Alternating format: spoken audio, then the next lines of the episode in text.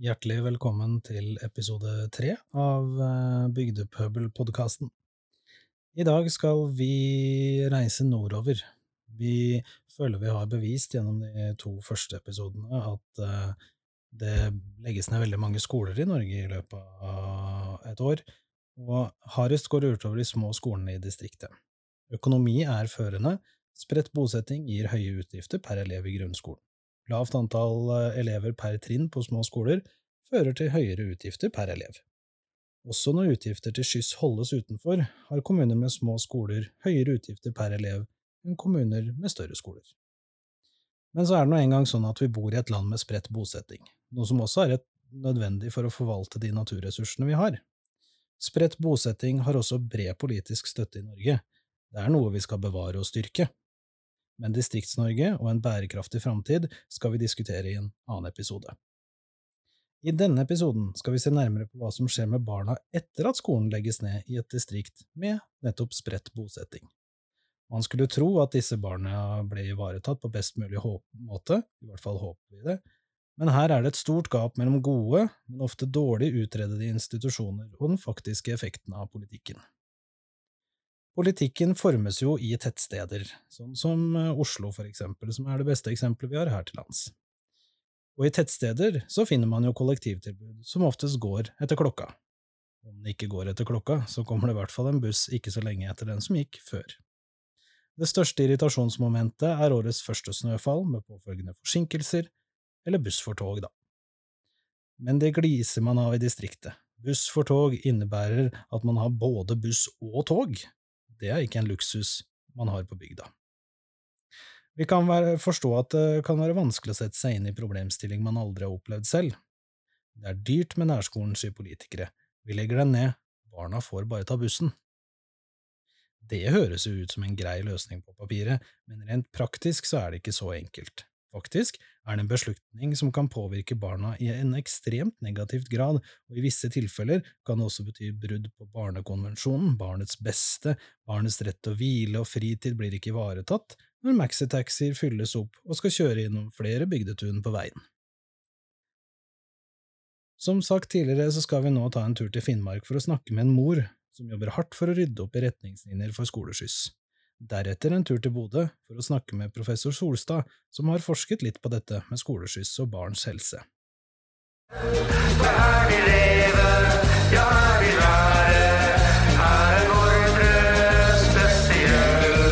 Da sier vi velkommen til Hanne Kristine Holmberg Sundfær. Hei, Hanne. Hei, hei. Du, Først kan du fortelle litt om plassen du bor på, slik at lytteren kan liksom skape seg et bilde av hvor du er i verden? Ja, jeg kan prøve i hvert fall. Eh, nei, jeg bor jo i Neidendal med familien min. og Det er en bygd i Sør-Varanger i Finnmark da, som har ca. 250 innbyggere. Eh, og Bygda den ligger der E6 eh, krysser Neidenelva. Og fra Neiden så går det vei over til Finland, til Søveti. Og ja, det er ikke så langt heller til Russland. Nei. Og ja, Neiden den har nå hver årstid er ganske magisk. da, og Man får mulighet til å leve tett med naturen og dyrelivet. og Det er der man virkelig får ro i sjela. Og himmelen jo det fargestillet gjennom året, og, og særlig i mørketida. Man kan se på stjernehimmelen og nordlyset. Og, og det syns jeg enda er fascinerende, sjøl en dag i dag. Ja, det skjønner jeg. Det høres, litt sånn, det høres nesten litt magisk ut. Ja, og så bor vi ganske nært eh, lakse, lakseførende elv, og, og ungene liker jo å dra på fisketur og ro og stå på skøyter på elva og dra på skutertur og dra på jakt med oss. Og, så har vi jo dyr i hagen nå da, som de liker å observere, så det er ganske fint å bo der. Så herlig. Men du, mm. kontra vi som bor her på Innlandet, hvor ting er forholdsvis stabilt, hvordan eh, påvirker vær og føre, holdt jeg på å si, livet deres? Eh, det er jo ikke noe tvil om at vi må jo, vi må jo ta hensyn til eh, vær og vind og ta forhåndsregler, fordi at eh, vi kan ikke styre over været.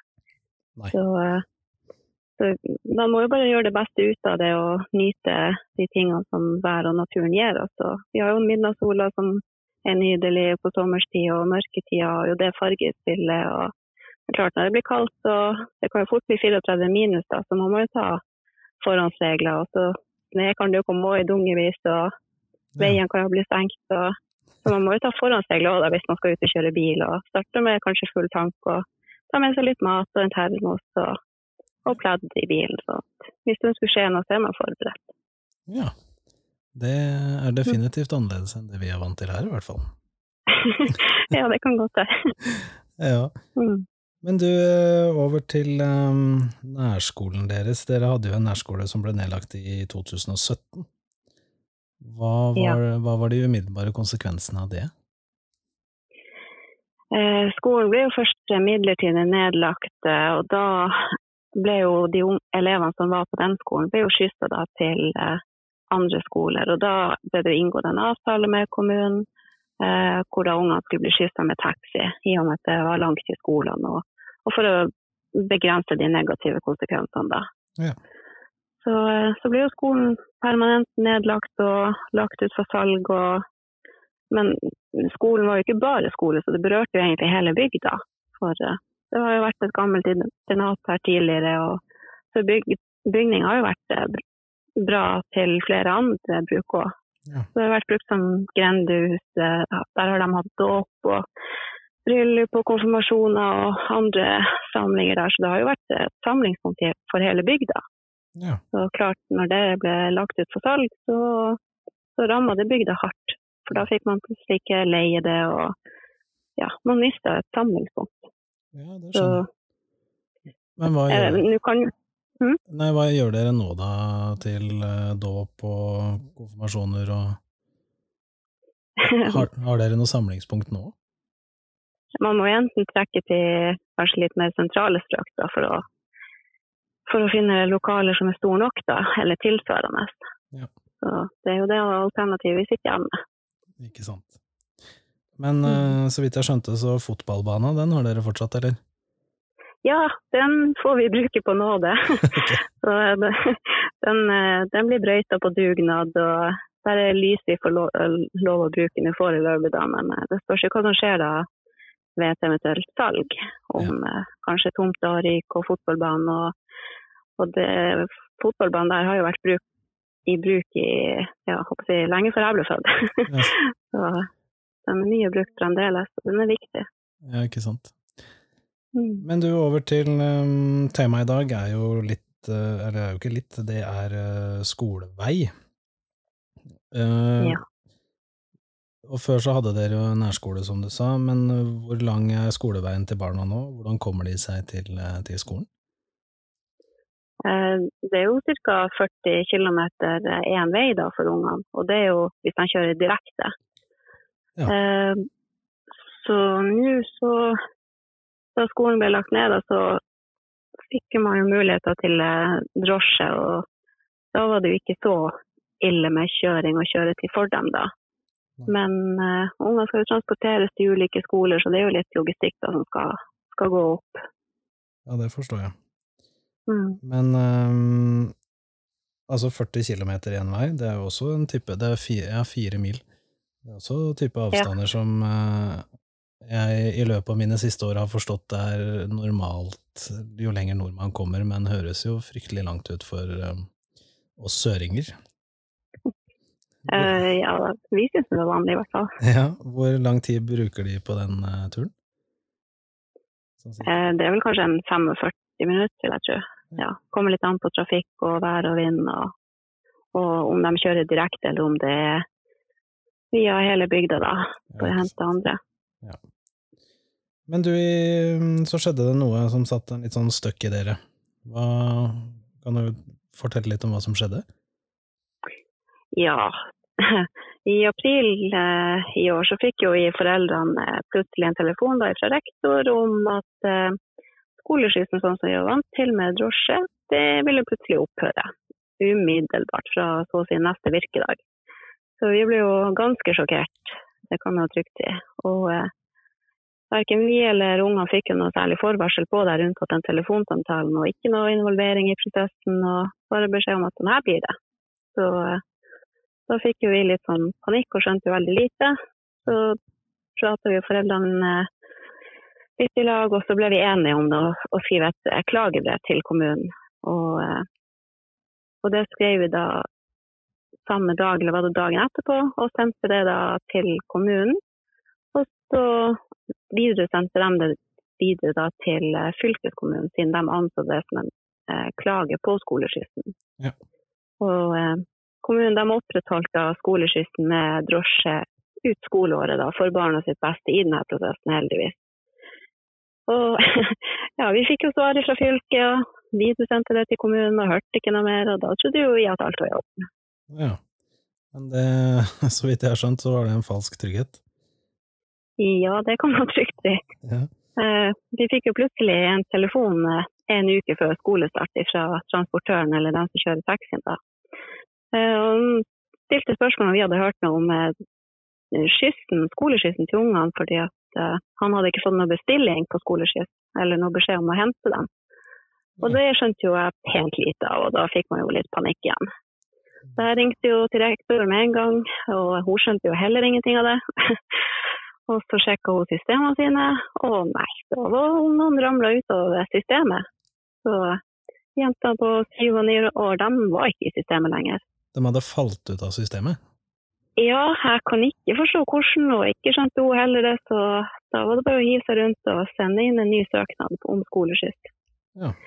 Eh, så jeg måtte jo ringe fylkeskommunen òg da for å høre om hva som har skjedd, og si det at det var kommet inn en ny søknad, og spurte om jeg kunne behandle det ganske raskt, da, siden skolen skulle starte uka etter. Ja. Eh, og hun jeg fikk tak i på fylkeskommunen, hun fortalte at hun antok at ungene måtte ta rutebuss til og fra skolen fra E6. Ja. Og det skjønte jo jeg veldig lite av, for det var jo overhodet ikke sånn skift de hadde hatt fra tidligere. Så jeg ble jo straks veldig bekymra og sjokkert og, og spurte hvor jeg kunne klage. Og eh, fylkeskommunen sa da at eh, de ønska en klage sånn at de kunne sende det til statsforvalteren for, eh, for en avklaring, da, siden ikke det her var ja, at det har vært litt forskjellig da, med drosje no- når fylkeskommunen ønsker skoleskyss. Ja. Så det er jo ikke en ukjent eh, sak at det har vært eh, uenigheter om skoleskyss, men for oss kom det veldig brått på. ja, det forstår jeg. Så saksbehandleren hun lovte nå å sende meg vedtaket da, digitalt via Digipost som de har mulighet til, men det mottar jeg jo ikke ifra. Nei. Men øh, hvilke bekym... Altså, det er, for det første så er det jo rimelig utrolig Altså, å ta buss fra E6 Det har jo vel noen åpenbare problemstillinger, men øh, hvilke bekymringer var det du tok opp med fylkeskommunene? Eh, Jeg tok jo opp med eh, ganske mange punkter. Ja. Eh, Det er jo bl.a. veistrekninger og vær og vind og alderen på ungene og de bekymringene som vi hadde som foreldre og som ungene hadde. Eh, Det er jo bl.a. to kilometer da fra oss til eh, busstoppen, og veien eh, hos oss er jo veldig smal og ubelyst. Ja. Og i vinteren så kjører det jo både brøytebil som er kommunal og eh, fylkeskommunal, i og med at de også skulle ha gått langs E6-en. Ja. Og eh, er det én ting ungene i bygda har lært seg tidlig, så er det at man skal passe seg for brøytebil. Men eh, det er jo litt vanskelig når man har en vei som eh, dekker hele plogen. Ja. Så det er jo ikke noe trygg følelse verken for oss eller for jentene at de skulle ha gått langs en sånn vei da, til og fra skolen hver dag. Så jeg synes det er veldig mye da, å kreve av små jenter at de skal stå ute og vente på en buss da det er E6 i snestorm, og en buss som kanskje kommer i minus 34 og i et dårlig busskur, og kanskje mister mobildekninga. Og, og ene hun har ikke telefon heller. Ja. Så Det høres jo farlig ut. ja, jeg ble veldig straks bekymra for det at eh, man vet jo sjøl barn er i seks-syvårsalderen og alle de faremomentene å stå der ved en sånn vei og i en sånn situasjon og ingen voksenpersoner ved siden av, det, det er ikke en trygg følelse. Nei.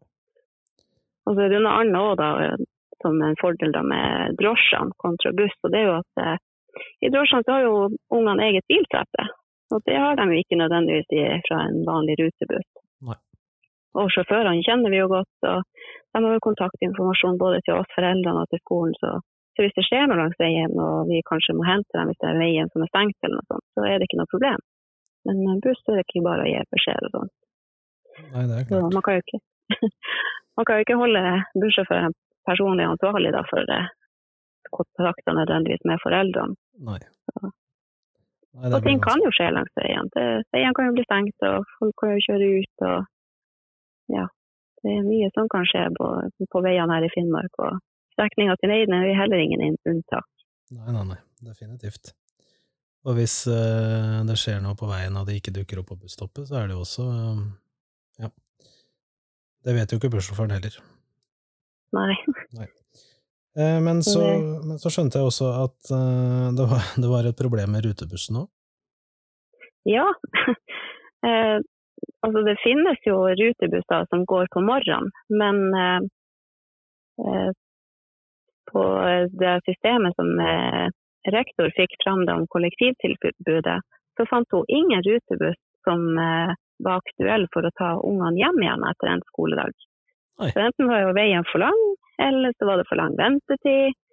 Så det stussa jeg veldig opp på i forhold til det fylkeskommunen eh, mente at ungene skulle ta buss. Så jeg måtte jo ringe dem ganske mye og purre dem mye på telefon. Og, og til slutt så fikk jeg jo tilsendt av vedtakene fra fylkeskommunen. Ja. Og, eh, og da hadde jo på tilnærma vis begge jentene fått mulighet for skoleskyss hjem fra skolen. Oh, ja. Og det med buss. Så eh, det er jo ganske fascinerende når eh, rektor kunne vise det motsatte. Ja. Og, og da var det bare å sette seg ned og skrive en klage. Det forstår jeg.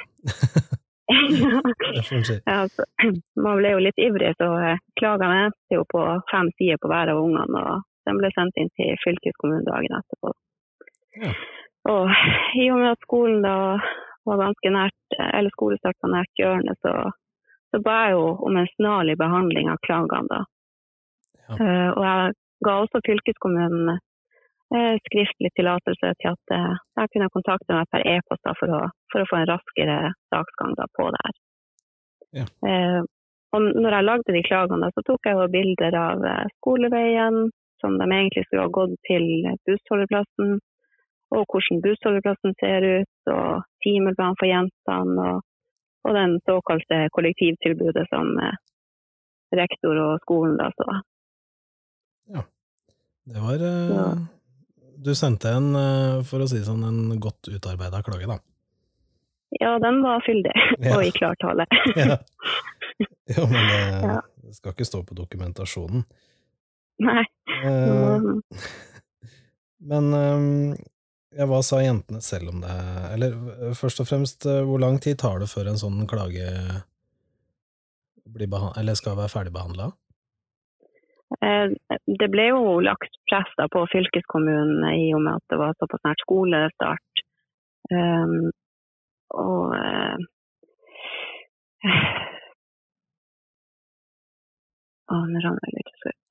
Ja, det ble jo lagt press på fylkeskommunen for å få klagene sendt til statsforvalteren. Ja. Men, og det var jo det de hadde gitt beskjed om at de ønska. Men etter at jeg hadde sendt inn klagen, så følte jeg at jeg ble møtt med mye motvillighet og ja, nærmest et hån.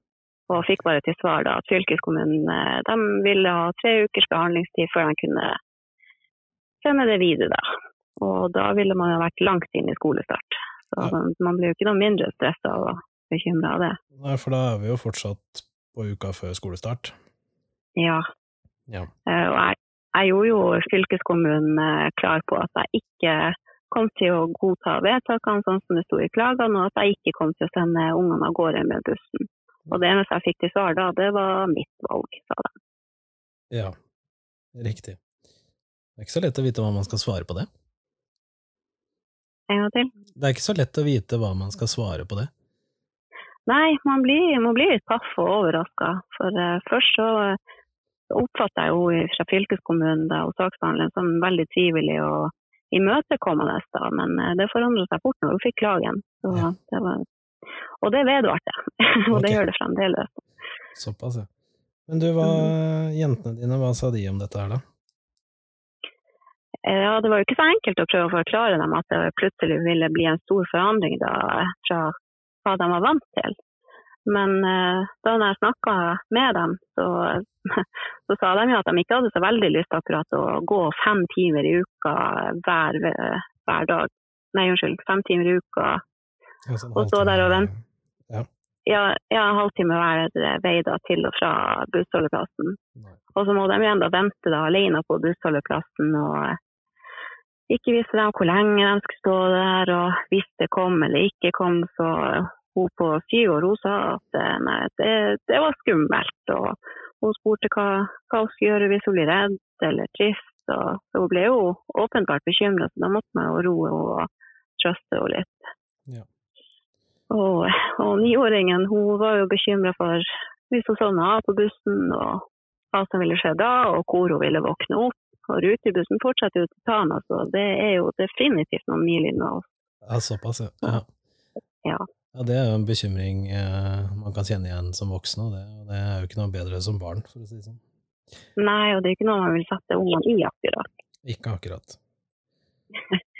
Så eh, nei, vi, vi hadde mange bekymringer rundt det, og har det jo fremdeles så lenge ikke ting er avgjort. Ja. Så unger vil jo få lange skoledager, og de vil jo være nødt til å stå opp før klokka seks for å rekke hele dagen.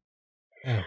For reise- og ventetida til unger vil jo være opptil tre-fire timer om dagen.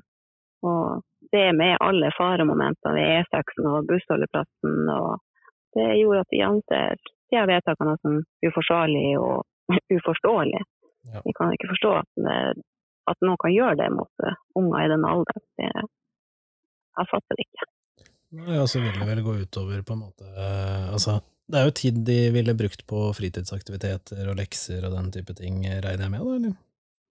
Ja, det går jo drastisk utover eh, de timene de har til rådighet. Ja. Både til fritid og egentlig både skolearbeid og helse. Så unger vil jo få lange skoledager, komme sent hjem. Og så når de kommer hjem, så skal de stresse med lekser og stresse med middag og stresse med å rekke trening og fritidsaktiviteter hvis de i det hele tatt rekker det. Og, så de blir jo definitivt mer sliten av det tidspresset og, og lite hviletid. Og det er jeg jo redd for at vil ha gått utover presentasjonen igjen på skolen. Og det er jo ikke heldig for noen, verken for ungene eller for samfunnet, tenker jeg. Definitivt ikke. Det er jo helt eh, åpenbare problemstillinger, spør du meg. Men hvordan var forståelsen hos fylkeskommunen for det her, da? Eh, Det var vel ikke så mye forståelse, sånn som jeg oppfatta det. Eh, Det var vel mer enn salig suppe. Eh, Vi ble jo Alle purringene våre eh, ble jo møtt med løgner og uttalingstaktikker og sure toner. Men Nå starta vi bilen, så jeg vet ikke om du hører det veldig godt. nei da, det går fint. Du må ikke fryse der oppe. Um, men altså, løgner, uttaling, sure toner hva, hva legger du i det? Hva, hva er det liksom de Hva er det de gjør?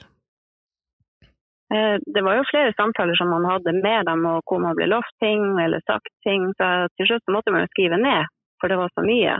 Og de sa imot seg sjøl og skrev imot seg sjøl. Så eh, det, det var flere ganger man tok dem i løgn, og hvor de nekta å svare. og Det var nye tre uker, og så svarte de ikke på tre uker. og det Mye frustrasjon som gikk til det, og tid. Ja, og eh, Men i løpet av de tre, eller de ukene der, hadde dere, var ungene hjemme da, eller? Kan du gjenta? Ja, I løpet av de tre, eller altså når det ble utsatt fordi For å klage på vedtaket, så må du motta vedtaket, og det gikk jo lang tid, gjorde det ikke det? Var ungene hjemme i den prosessen, eller hvordan løste dere det da?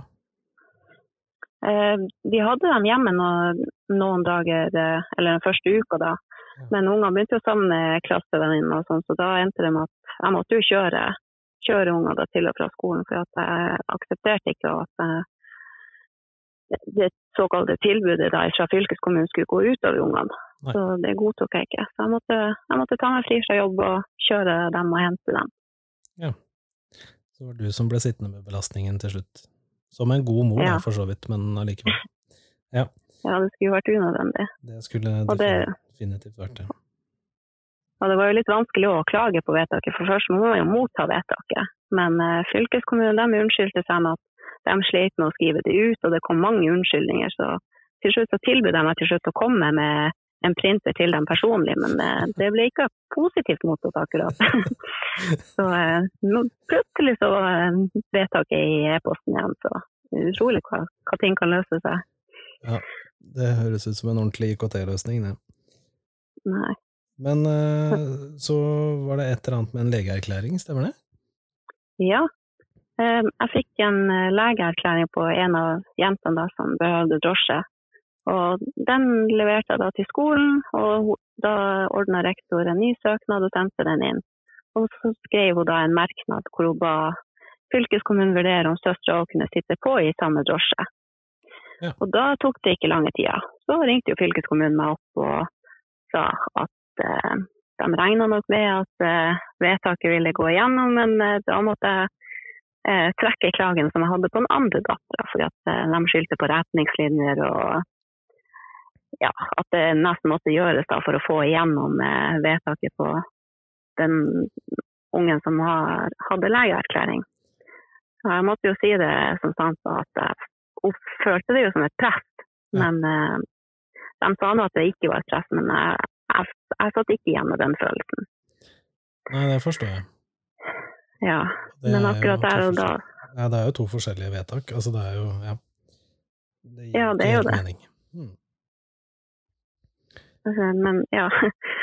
Så, det var jeg var vel på en fredag, og eh, på mandagen etterpå så ringte jo plutselig en journalist meg fra Finnmarken. Og eh, da hadde han plutselig en beskjed om at alle Neiden-ungene ville få taxi.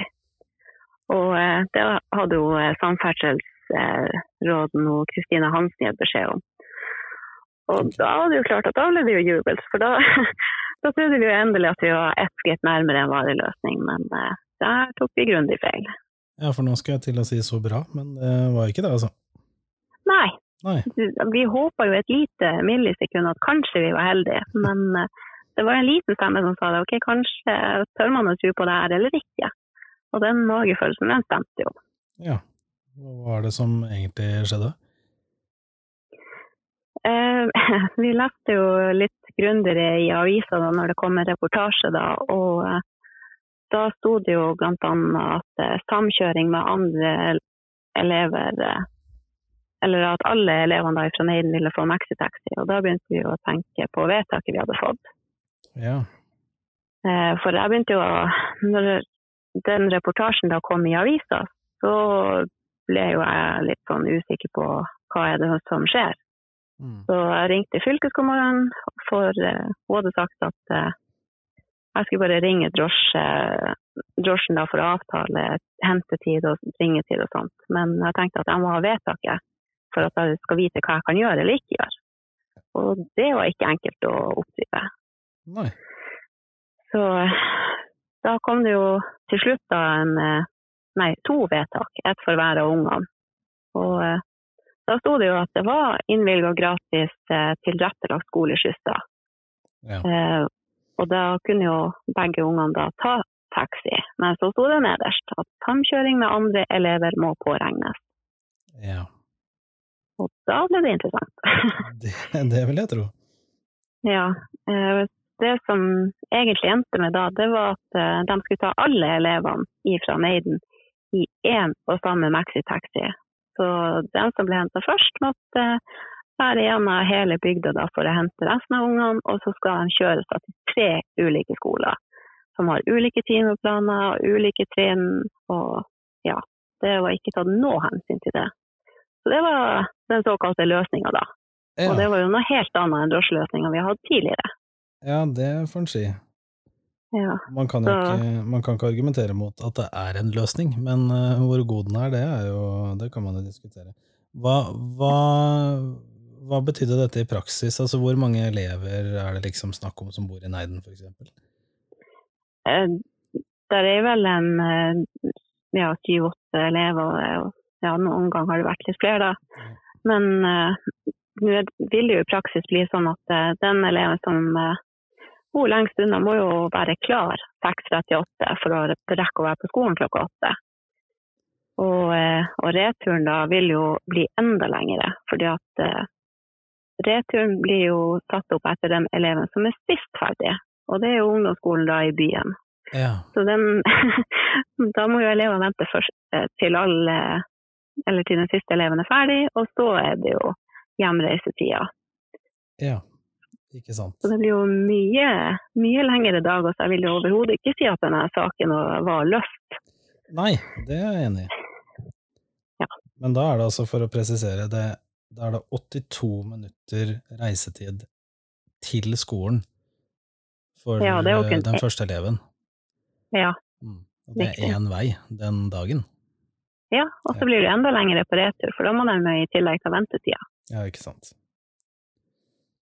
Det er såpass. Ja. Men uh, saken var ikke løst, uh, sa du. Hva skjedde så? Uh, ja, det ville jo gått utover uh, ungene at med det maxitaxi-opplegget at flere vil jo få lang vente og reisetid og vil ikke være hjemme før i fire-halv fem-tida. Og da er det jo som sagt ikke mye tid igjen til, opp til hverdagsliv eller skolearbeid. Og, Nei. så, Nei, definitivt ikke. Og det her er jo eh, rett og slett i strid med barns eh, hva skal man si, da, rettigheter, rett og slett. Det er jo eh, Man stjeler jo en ganske kraftig bit av et barns hverdag og putter det inn i noe som i utgangspunktet er unødvendig, da. ja, jeg syns det er ganske inngripende eh, og nesten overgrep, vil jeg kalle det. For det går utover barnas beste. og De har jo ikke fått blitt hørt i denne saken, verken egentlig før eller etter. Og eh, Vi har jo prøvd å formidle stemme for ungene, men eh, vi har ikke følt at det har blitt hørt. Og Det går jo utover ja, hvile og hviletida til ungene og fritidsmulighetene deres. Så det er jo en betydelig innskrenkning i deres hverdag. og det det føler jeg er et overgrep for dem. Det er ikke rett. Nei, det, nei, det er veldig vanskelig å være uenig i det, hvis man skal være helt ærlig. Det, det, det er Én ting er at barnet skal bli hørt, men en annen ting er jo barnets beste. Sikre en god utvikling, eh, hvile, fritid. Det er ganske mye her som eh, skurrer, da. Men du skildrer jo på en måte altså, Da er du inne på selve kjernen i problemet, i tillegg til alle de andre konsekvensene som kan komme av, av eh, den type skyss, da. Men uh, som vi nevnte innledningsvis, så kan det jo være vanskelig å sette seg inn i hvor problematisk det her kan være om man aldri har opplevd det på kroppen selv. Eh, de som bor i Oslo, for eksempel, der går det en buss hvert femte minutt, kanskje, eller i verste fall hver halvtime. Eh, har du noen tanker om hvordan dette best kan løses i sånne distrikter som, ja, som hos dere, da, som har mista skolen sin? Eh, Jeg vet ikke om jeg har akkurat den perfekte løsninga, men jeg vet jo at løsninga vi hadde i fjor, eller forrige skoleår, den fungerte jo. Og da ble jo ungene tatt hensyn til, og de, hverdagen deres ble jo mye bedre tilrettelagt. Og de fikk jo bedre utgangspunkter for å takle skolehverdagen Ja. og ellers eh, livet. Ja, ikke sant. Og bare for å være eh, Nå lurer jeg. eh, Ventetid, er det inkludert i reisetiden når de regner ut det her eh, hos fylkeskommunen? Nei, det de, det er ulike retningslinjer eh, for skoleskyss, eh, fordi at de blir eh, bestemt på fylkestingsnivå. Ja. Sånn at det, hvert fylke kan ha forskjellige retningslinjer for skoleskyss, og det er jo da det kan oppstå utfordringer. ja Så det, det høres man har jo rotete ut. Ja, man har jo grubla mye på hva er det her, og hvem er hva, og hvem har ansvaret for hva. Det har vært veldig omfattende å sette seg inn i det byråkratiet og det lovverket, og man har følt seg som foreldre ganske maktesløs mange ganger rett og slett i det her. fordi at eh, det må jo politiske avgjørelser til for å få en bedring på det her, og at man slipper årlige omkamper. Definitivt. Ja. Nå har vi jo kontakta foreldrene fylkestingene, og da er det jo sagt at det skal tas opp retningslinjer for revidering. Men, men man begynner jo å gruble på om det kanskje må nasjonale retningslinjer til. For det er jo ikke bare våre barn som blir berørt. Nei, Nei, det er ikke det eneste stedet i Norge med avstander. Eller hvor eh, nærskole blir Eh, lagt ned. Per nå så har jo fylkestinget da De fikk jo i oktobermøtet beskjed om at retningslinjer for skoleskyss for Finnmark og retningslinjer for skoleskyss Troms, det var bestilt revidering på. Men eh, det er ikke lagt ut på høring, som jeg vet om. Så det blir jo litt spennende å følge det, da. Ja, For det har jo stor, stor betydning for ungene. Definitivt, og så skal det vel legges ut på høring før det, før det skjer noe mer, regner jeg med? Ja, det håper jeg. Og eh, da er det jo viktig tenker jeg, at mange får gitt sine høringsinnspill, for det berører jo ungene i hele fylket. Det er på tide at de blir hørt. Absolutt.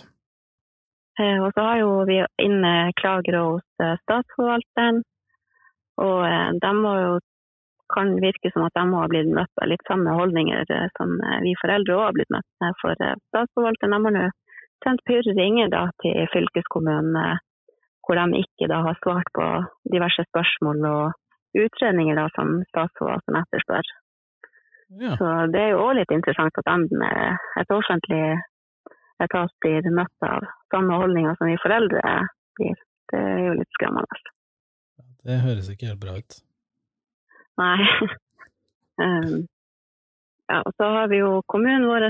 De dekker jo fremdeles eh, skoleskifter for unger fram til klagebehandlinga er ferdig behandla hos eh, statsforvalter. Ok. Eh, Og fylkesråden Kristina Hansen hun gjentok jo i spørretimen i fylkestinget at det her det var en kostnad som kommunen sjøl måtte bære. Og hun var fast bestemt på at ungene fra Neiden der fikk et mye bedre tilbud i, enn hva mange andre unger i fylket. Og da, da kan man jo lure litt på hvordan andre har det. Så det er jo viktig at det blir tatt fokus på det her nå. Det, det er bra. Ja, det er veldig bra. Det, det er jo litt skremmende, da. Det, det syns jeg òg. Ja. Men det går utover mange barn og familier og distrikter, og konsekvensene kan jo bli store hvis ikke det skjer noe. ja, definitivt. Og Vi har jo òg en eh, prosess i kommunen, så har jo kontrollutvalget tatt tak i det her. Eh, i, og med at eh, skolen eh, Da skolen ble lagt ned, så var det jo en del samtaler da med foreldre og daværende rektor og sånn i hvordan man skulle gjøre overgangen best mulig. da. Og da var jo foreldrene lovt eh, skoleskyss. Så eh, nå blir jo kontrollutvalget da å gå og se gjennom denne saken om, og tidligere vedtak og lovmønster da, om, om det har blitt fulgt opp, rett og slett. Så det blir jo òg veldig interessant. Ja. Hva kan være konsekvensen av det de finner ut der, da, eventuelt? At vedtaket blir Ja. gjort, eller? Er det en, mye av de her tingene henger jo i hop, så det blir jo veldig interessant å se hva som skjer etter hvert. For eh, kontrollutvalget sjekker jo eh, vedtakene til kommunen, men det baserer seg jo litt i forhold til retningslinjer for skoleskyss som fylkestinget har vedtatt. Ja. Og statsforvalteren er jo også inne og sjekker lovligheten til retningslinjer for skoleskyss. Så Ja. det, det er virkelig et sånn jussammensurium som man ikke aner utfallet av. Så det blir virkelig interessant. ja, det skjønner jeg. Men du, hva blir konsekvensene for dere hvis uh, de retningslinjene her ikke kommer på plass, da? Det, det er noe jeg egentlig ikke har lyst til å tenke på, for eh, da blir vel realiteten sånn at man dessverre må, må flytte fra hjembygda. Det er jeg stygt redd for. For eh, det går ikke an å utsette ungene for eh, en sånn skoleskyss sånn, sånn hver dag. Det, det er ikke bra. Nei, det, det, det vil jo ha ganske store konsekvenser for kultur, landbruk eh, ja, har, Masse. ja, bygda vil jo i praksis egentlig bli lagt ned, da. Det kan man jo trygt si. Og det er jo ikke et bra signal heller til andre distrikt rundt i kommunen med at eh, man eh, bare legger ned og ikke prioriterer dem i distriktene. Da Ja. sier man jo egentlig at man ikke ønsker at det skal bo noen i distriktene. Ja. Så jeg syns det her er veldig skremmende å tenke på. Det er jo styrt eh, bygdeavvikling med økonomi som eh, hva skal man si, motivasjon eller unnskyldning. Det er jo ja. Man kan kalle det Mm. hva man vil, da, men det er, jo det, det er jo det det ender opp med til slutt. At for å spare penger, så legger vi ned distriktene. Ja, det kan jo virke sånn.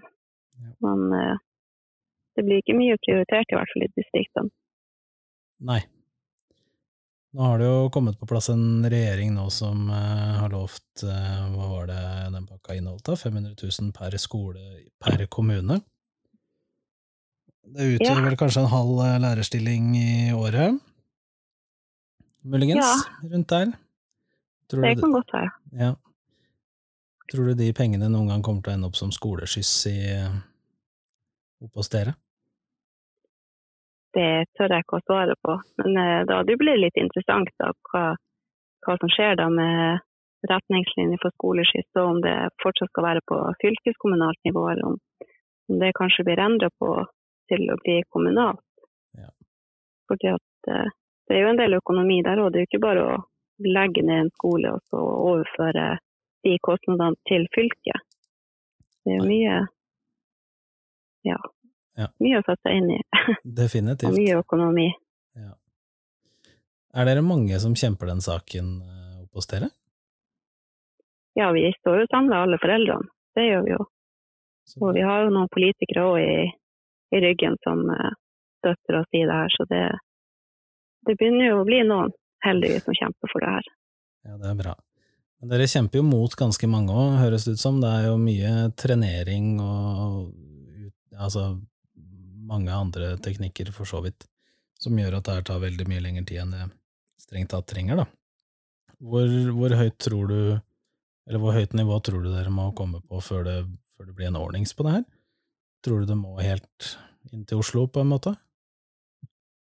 Jeg håper jo det kan løse seg på fylkestinget, men eh, det aller beste hadde jo selvfølgelig vært om det kunne vært eh, sånn håper jeg, på nasjonalt plan at eh, alle ungene da har, har en trygg skolevei og trygg skolehverdag og hverdag generelt. Ja. Så jeg håper jo hvis ikke alle har det sånn, så bør det bli sånn. For det det handler om i bunn og grunn, det er at barn i Finnmark skal ha de samme rettighetene som barn på Manglerud i Oslo, på en måte. Mm. Mm. De er jo unger i samme land. De er det. Det skal være et veldig godt land å bo i, egentlig. Har jeg hørt. Ja. Du, eh, dette her var eh, spennende og skremmende på en gang. Men eh, det ligger ufattelig mye Jeg er imponert over den innsatsen dere legger ned, at dere står på. Og vi vil i hvert fall veldig gjerne høre hvordan dette går. Så hvis du ikke har noe imot det, så vil vi gjerne snakke med deg seinere en gang også.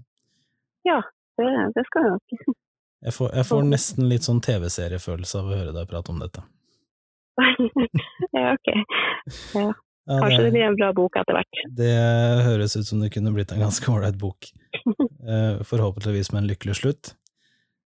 Og så er det jo sånn at én ting er jo disse her praktiske tingene, og at barn eh, har uh, rett på de tingene de skal og burde definitivt ha rett på. En annen ting er jo de konsekvensene som kan komme av å sitte lenge av skoleskyss. Så etter deg så har vi faktisk invitert en eh, forsker som heter Solstad, som skal snakke lite grann om, eh, om konsekvensene av dette her med å, å sitte lenge på buss, for eksempel. Her vi lever, ja her vi være, her er vår spesiell. Eh, Ja. Har du, eller hva kan du si om effekten eh, skoleskyss har på barnas eh, helseutvikling?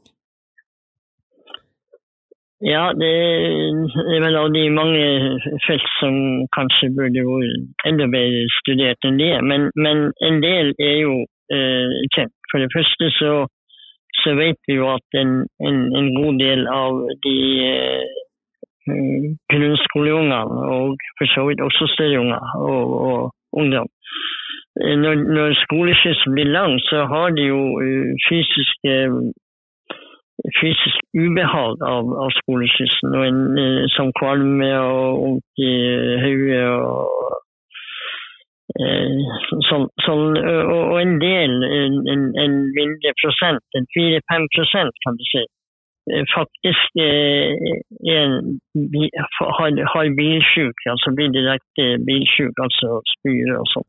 Ja. Når kysten blir såpass lang som en eh, 15 km eller mer. Men det, det gjelder jo forholdsvis få øh, unger som øh, er disponert for akkurat det der. Ja. Andre kan jo synes det er artig og tar det ikke så tungt i det hele tatt. Så det der varierer jo veldig. Men, men det er, er dokumentert i, i flere undersøkelser, og særlig på 80-tallet. Ja. Så det er litt gammel, gammel forskning for så vidt. Ja. Men så er det direkte helse. Der, eh, eh, der er det jo eh, eh, kan, man si, er for det første dokumentert i, i flere studier, og det er relativt gamle, at eh, med lang skoleskyss så går det faktisk ut over, elevene sin kondisjon. Ja. Og, og, og med, med, med dårligere kondisjon så kan vi si at eh, appetitten for å være med på krevende aktiviteter blir redusert, og det har lett til å bli en, en snøball som ruller. Ja. Eh, men så er det da interessante studier som ble gjort rundt eh, år 2000 av eh, en dame som het Sjøli, eh, som tok en doktorgrad i Bergen på sånne fysiologiske eh, på, på eh, forhold som knyttet til skoleskyss og eh, eh, bevegelse og ryggplager og sånne ting. Eh, Det, virker som at det er veldig dokumentert forskningsmessig. At de elever som over lang tid, over flere år, har skoleskyss, så får de nedsatt eh, eh, bevegelighet i, eh, i hofte og, og er mer utsatt for eh, ryggsmerter og den slags. Ja. Og kanskje nyere, en, en mer nyere forskning eh, eh, går på dette her med, med risikoen for, for overvekt. Altså unger som, og ungdom som over, over mange år blir fratatt på en systematisk måte den naturlige mosjonen som det innebærer å gå og, og gå eller sykle, ta seg fram for egen maskin til, til arbeidsstedet som jo for ungene er skolen det, det, det, det øker sjansen for, for overvekt. Eh, Her er jo de Studiene er jo ikke helt entydige alltid, men, men det her er en eh, eh, er mest det som konkret finnes av forskning. Det er gjort mest i urbane strøk, der eh, dette med, med skolevalg og sånt har gjort at flere og flere blir skyssa enten privat eller offentlig til skolen. Så, så det, dette er en, noe som er en hel eh, eh, forskning, forskningsmengde på internasjonalt. Australia, USA, Storbritannia, Holland osv. Ja. Så, så det, det, det er interessante ting. Ja. Men eh, vi har ikke god nok, nok forskning. Det er en, en, eh, en norsk studie av en eh, gruppe leger, som har vi det framfor meg nå her, men eh, der, der de spekulerer på om, om eh, den overhyppighet av, av eh, overvekt og fedme blant eh, eh, unger og ungdom eh, har sammenheng Ja, den er observert som å være større i en del av norske fylker. Og det er fylker som Oppland, Hedmark, altså de gamle fylkene. Ja. Nordland og, og det, nettopp fylker der, der uh, forekomsten av lang skoleskyss er stor. Ja, ikke sant. Så det, det, men det, det, de innrømmer jo at det her er på spekulativt grunnlag. Det er ikke god nok forskning som knytter data om eh, overvekt til eh, faktisk skoleskyss. Det er ikke gode nok data på individnivå til å slå fast. Så det her skulle det vært gjort mer. Ja. Det er jo kjempeinteressant, egentlig. Jeg skulle til å si det, det er jo eh, i hvert fall for ja, de fylkene du nevner spesielt, da, men det finnes jo flere og sikkert som har veldig spredt bebyggelse, hvor eh, skoleskyss vil være veldig aktuelt. Ja, ja, absolutt. Helt klart. Men eh, hva tenker du dette her har å si for Én ting er jo på mange måter den her øyeblikkelige, eller den eh, datidens konsekvenser, da. Tror, Ja, tror, ja. Forresten, tror du at eh, det her med manglende fysisk aktivitet har noe med at tiden går bort på skoleskyss, eller at de blir mer inaktive av å sitte så mye stille? Det blir jo spekulasjon. Ja, ja, for det første så blir det jo en, en, en, en passivisering av, eh, av, av tid eh, ved at eh, la oss si det tar opptil en time, men en tre kvarter ganger to Ja. per dag til fysisk inaktivitet som kunne vært brukt til aktivitet, enten, enten ved å gå eller ta seg fram til skolen, eller, eller på annen måte. Så det er klart at det, det blir jo en, en, en nedsatt reduksjon i tid som mange unger og ungdommer vil naturlig bruke til fysisk aktivitet. Det er jo ikke til å ta feil av, det, det blir det jo. Ja. Og, det, og det kan jo da få konsekvenser både av de vi nevnte for, for kondisjon og, og, og, og sånn fysiologiske forhold med rygg og den slags, eh, så vel som for dette med overvekt. Så det, det, det er en sammenheng der, og den eh, er ikke positiv. Altså den er ikke gunstig. Nei. Ikke sant? Men hva tenker du i et lengre, et livslangt perspektiv da? eh, Ja, eh, det er jo ingen lege og ingen ekspert på det, men jeg har jo lest en del, og det er jo et, fakt, et faktum, så vidt jeg skjønner på litteraturen, at eh, eh, plager som folk kan ha i, i yngre år, f.eks. dette her å, å, å utvikle tendens til overvekt, eller har ha plager med rygg og, og, og den slags, de har lett for å, for, å forfølge menneskepersonen Ja. eh, framover i tid. Ja. Og, og, dermed øke risikoen for, eh, for fødselsfasjonering i verste tilfelle. Men også eh, unødvendig eller legebehandling som man kunne, eller fysiologisk behandling som man ellers kunne uh, på unna.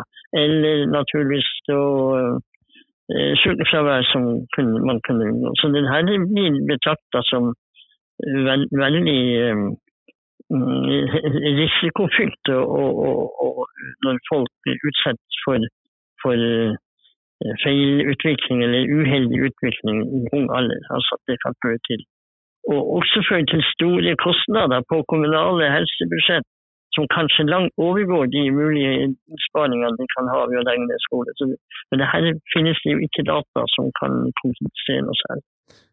Nei, det hadde definitivt vært interessant å, å finne ut av det. Ja, helt klart. Helt Men- klart. Men eh, med tanke på stressutvikling eh, Ja. hos eh, barn som har den der tid, Ja. lange tidsmessige transporten, hva, Ja. vet vi om det? Nei, det var jo et interessant spørsmål. Jeg satt og kikka litt. Igjen. Det, er mange altså fast det finnes ikke noe særlig, noe særlig data annet enn på episodisk grunnlag at, at foreldre kan si og unger kan si. Det har vi hørt i intervjuer at de, de, det, de, det tar litt fysisk, nei, psykisk på denne skoleslussen for, for enkelte. Ja. Eh, Men eh, i, så, så langt tilbake som på rundt 60 ble det gjort en, en artig eh, forskning i England som, eh, eh, som så på sammenhengen mellom skoleskyss og, eh, som det står her, sosial emosjonell tilpassing Ja. for, for rurale elever. Jeg har den teksten på engelsk. Men det her gjaldt elever som, som var i småskolealderen, altså der begynte jo i femårsalderen, fem, seks, syvåringer.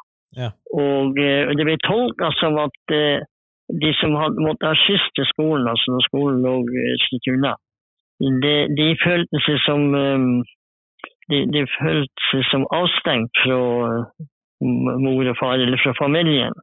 Og at det var, det, det var en sånn stress og angstopplevelse som ble observert. Men det her er jo veldig langt tilbake, og eh, kanskje før den tid at ungene er vant med å være i barnehage fra de er noen få måneder gammel. Så, så jeg tror ikke vi skal lage altfor stor vekt, men det var litt artig å. Jeg tror det mangler, vi mangler veldig mye kunnskap på det feltet der. Ja, definitivt. Eh, hvorfor tror du at det er så lite forskning på dette? Ja, det kan du si. Det er ikke det at ikke det er folk som har prøvd. og eh, Jeg har jo arbeidet for å, for å få til prosjekt. Men det har, eh, det har vel ikke vært en veldig sterk eh, verken politisk eller kanskje faglig eh, vilje i sentrale miljø for å, å det her gjelder jo da først og fremst eh, utkant av distriktene, når man ser på at det ikke er så veldig mange mennesker det her gjelder. Nei, det, det jeg ikke ha for mange spekulasjoner om. Men, men det, det, det, det er helt opplagt at det, det, er ikke, det er ikke bare det at det er fagfolk som er interessert det, men det er vanskelig å skaffe penger til slik Ja. Det er jo en kjensgjerning at eh, ting jo, lett, jo nærmere byen man kommer, jo lettere blir jo litt ting, da. Å få til. Det, det er en, eh, bruker som en, som en eh, sette tingene på spissen og si at man, man, man burde kanskje avvikle distriktene. Da vil det være mye lettere for både private og offentlige tjenesteytere å gi gode, altså, gode tjenester til folk. Og så kunne man høste på landbruk og skogbruk og fiske osv. gjennom å sende grupper ut på 14 dagers vis, akkurat som man gjør i i handelsflåten og i uh, oljesektoren. så slapp vi alt dette her. Har vi en 13-14 litt større byer i Norge, så greier vi oss med det. Ikke sant. Men den veien det går. Ja, det Ja, Om man ser på, om man ser på eh, avfolkningen, tar i bruk med sterke ord, i, i, i distriktene og opphopninga i de større byene, så ser den statistikken på de siste 50 år, så, så, eh, Ja, så det er lett å ekstrapolere til en sånn konklusjon. definitivt. Ja. Ikke bare avfolkning, men avvikling. Det er jo litt styr, styrt ja, avvikling, det her. Ja. Men du, eh, med det du vet om, eh, om skoleskyss, hva tenker du om eh, nasjonale retningslinjer eller regler for ventetid og sånne typer Ja, ting? er akkurat. Ja. Det, det, det finnes jo ingen retningslinjer i dag som er sånn at de må følges. Men, og det er vel hervane noen gamle tilrådinger som betyr helt det blir tenkt på selv. Så det eneste som er klart, er at når avstanden fra hjem til skole er over tre kilometer, så har ungene rett på skoleskyss. Ja. Og er de eh, på førsteklassingene gjelder vel bare to kilometer. Ja. Ja. Men, men utover det så er det ikke noe sånn maksimumsgrense. Det, og, og ja, det Så det er opp til, til skjønn. Men det går an å, å, å, å hevde at det, det finnes en lov om folkehelse som kommunene er, er underlagt. Ja. Og, og der, de, de, kommuner skal fremme folkehelse innenfor de oppgaver som de har. Og de skal sørge for å planlegge sin tjenesteyting sånn at det rett og slett fremmer folkehelsa. Ja. Og det er det at de må ta hensyn til eh, kunnskap om faktorer og uttrekk i miljø og lokalsamfunn som kan ha negativ innvirkning på folkehelse. Og man skulle tro det, at skoleskyss nettopp måtte være noe sånt. Ja. Men vi kan ikke se at dette her er trukket fram i særlig grad i det hele tatt i, i kommunal planlegging. Når det vurderes å legge ned skole. Det er de økonomiske betraktningene som, eh, som blir gjort. Ja. Og så blir det enkelte påstander om at det, store, at det er viktig for ungenes læring osv. Men det er ikke dokumenterte påstander. Nei. Gode små skoler er gode skoler, og de er gjennomgående like gode som andre store skoler, som store skoler når det gjelder akkurat læring. Absolutt. Så det er store hold i kunnskapstilfanget. Det, da er det jo en del ting som burde vært på plass, da. I, denne episoden her, det har jo ikke du hørt, selvfølgelig, men da har vi jo snakka med ei dame som hvor det er helt klart at, eh, at de ikke har eh, tatt dette med folkehelse i betraktning, i hvert fall hvor det har vært veldig, veldig, veldig styrete å få bare det å ordne skoleskyss eller å få til et ordentlig vedtak har vært kjempevanskelig. Eh, Ja, det, det, det, det, blir jo spurt om, om endringer i det regelverket. Ja.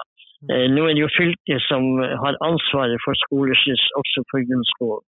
Ja. Og det, det er klart at man ser på det her eh, sånn praktisk og, og, og logistikkmessig, så er det jo viktig at, at skyss samordnes eh, for grunnskole og, og videregående skole i mange, i mange områder.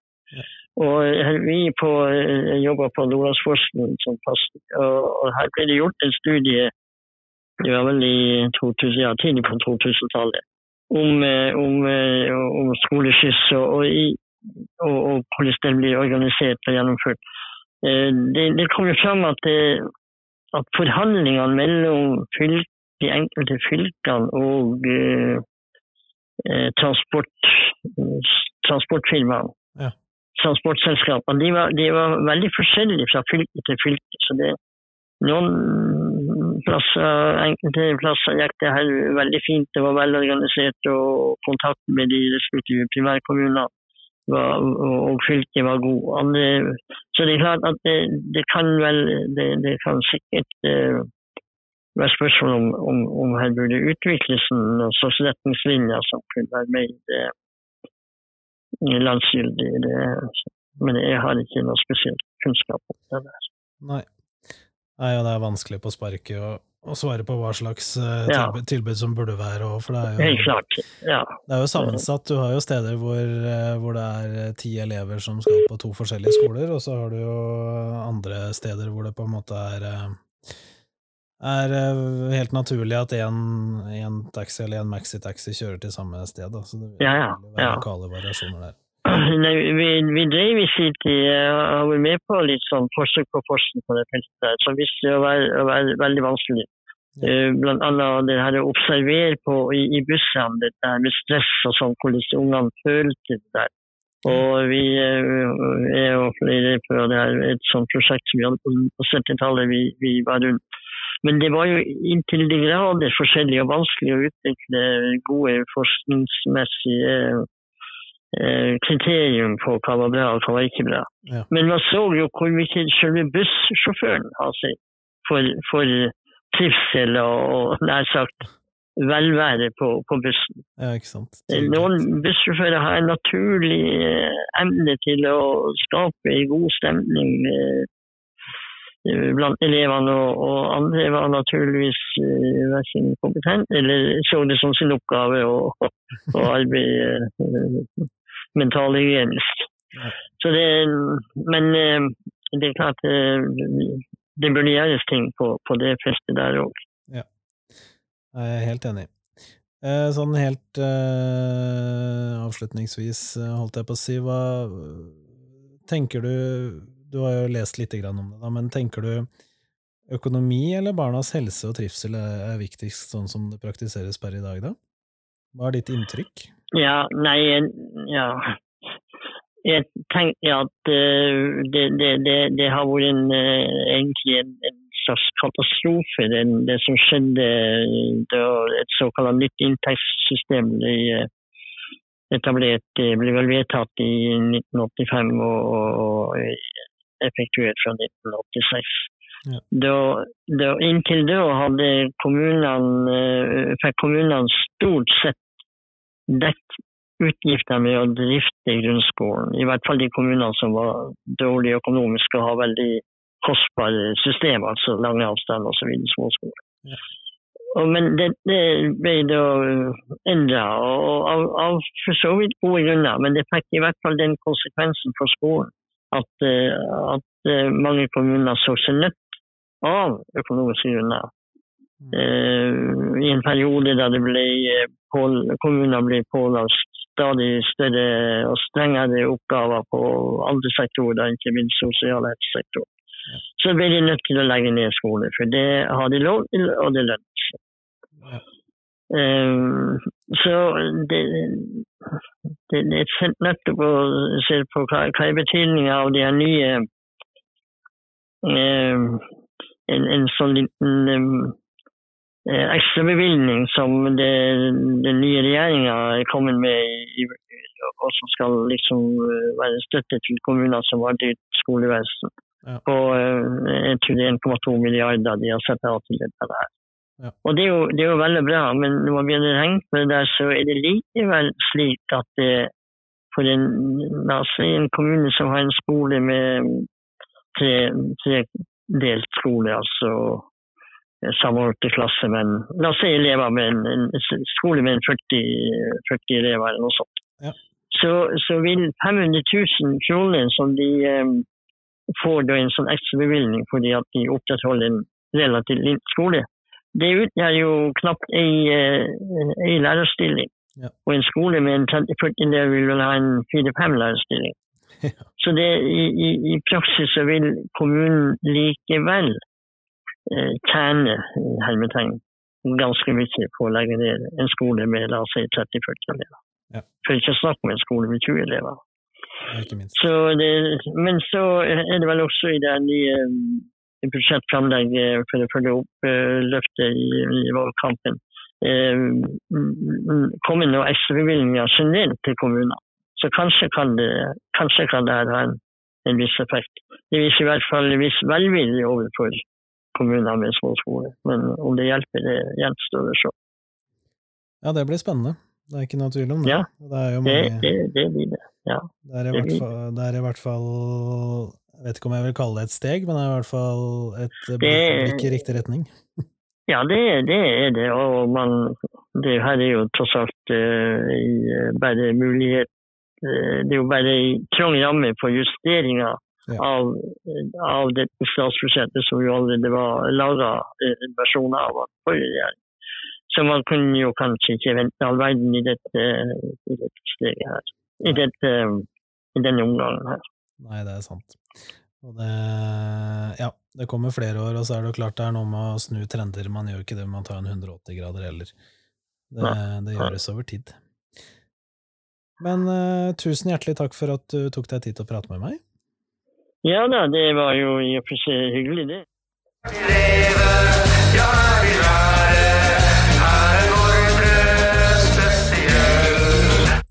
Du har hørt en episode av Bygdepøbelpodden. Programleder var Kim Mariussen, produsenter var Camilla Storlien og Anja Brattberg. Vignettlåta Nordre Spesiell er skrevet av NKL.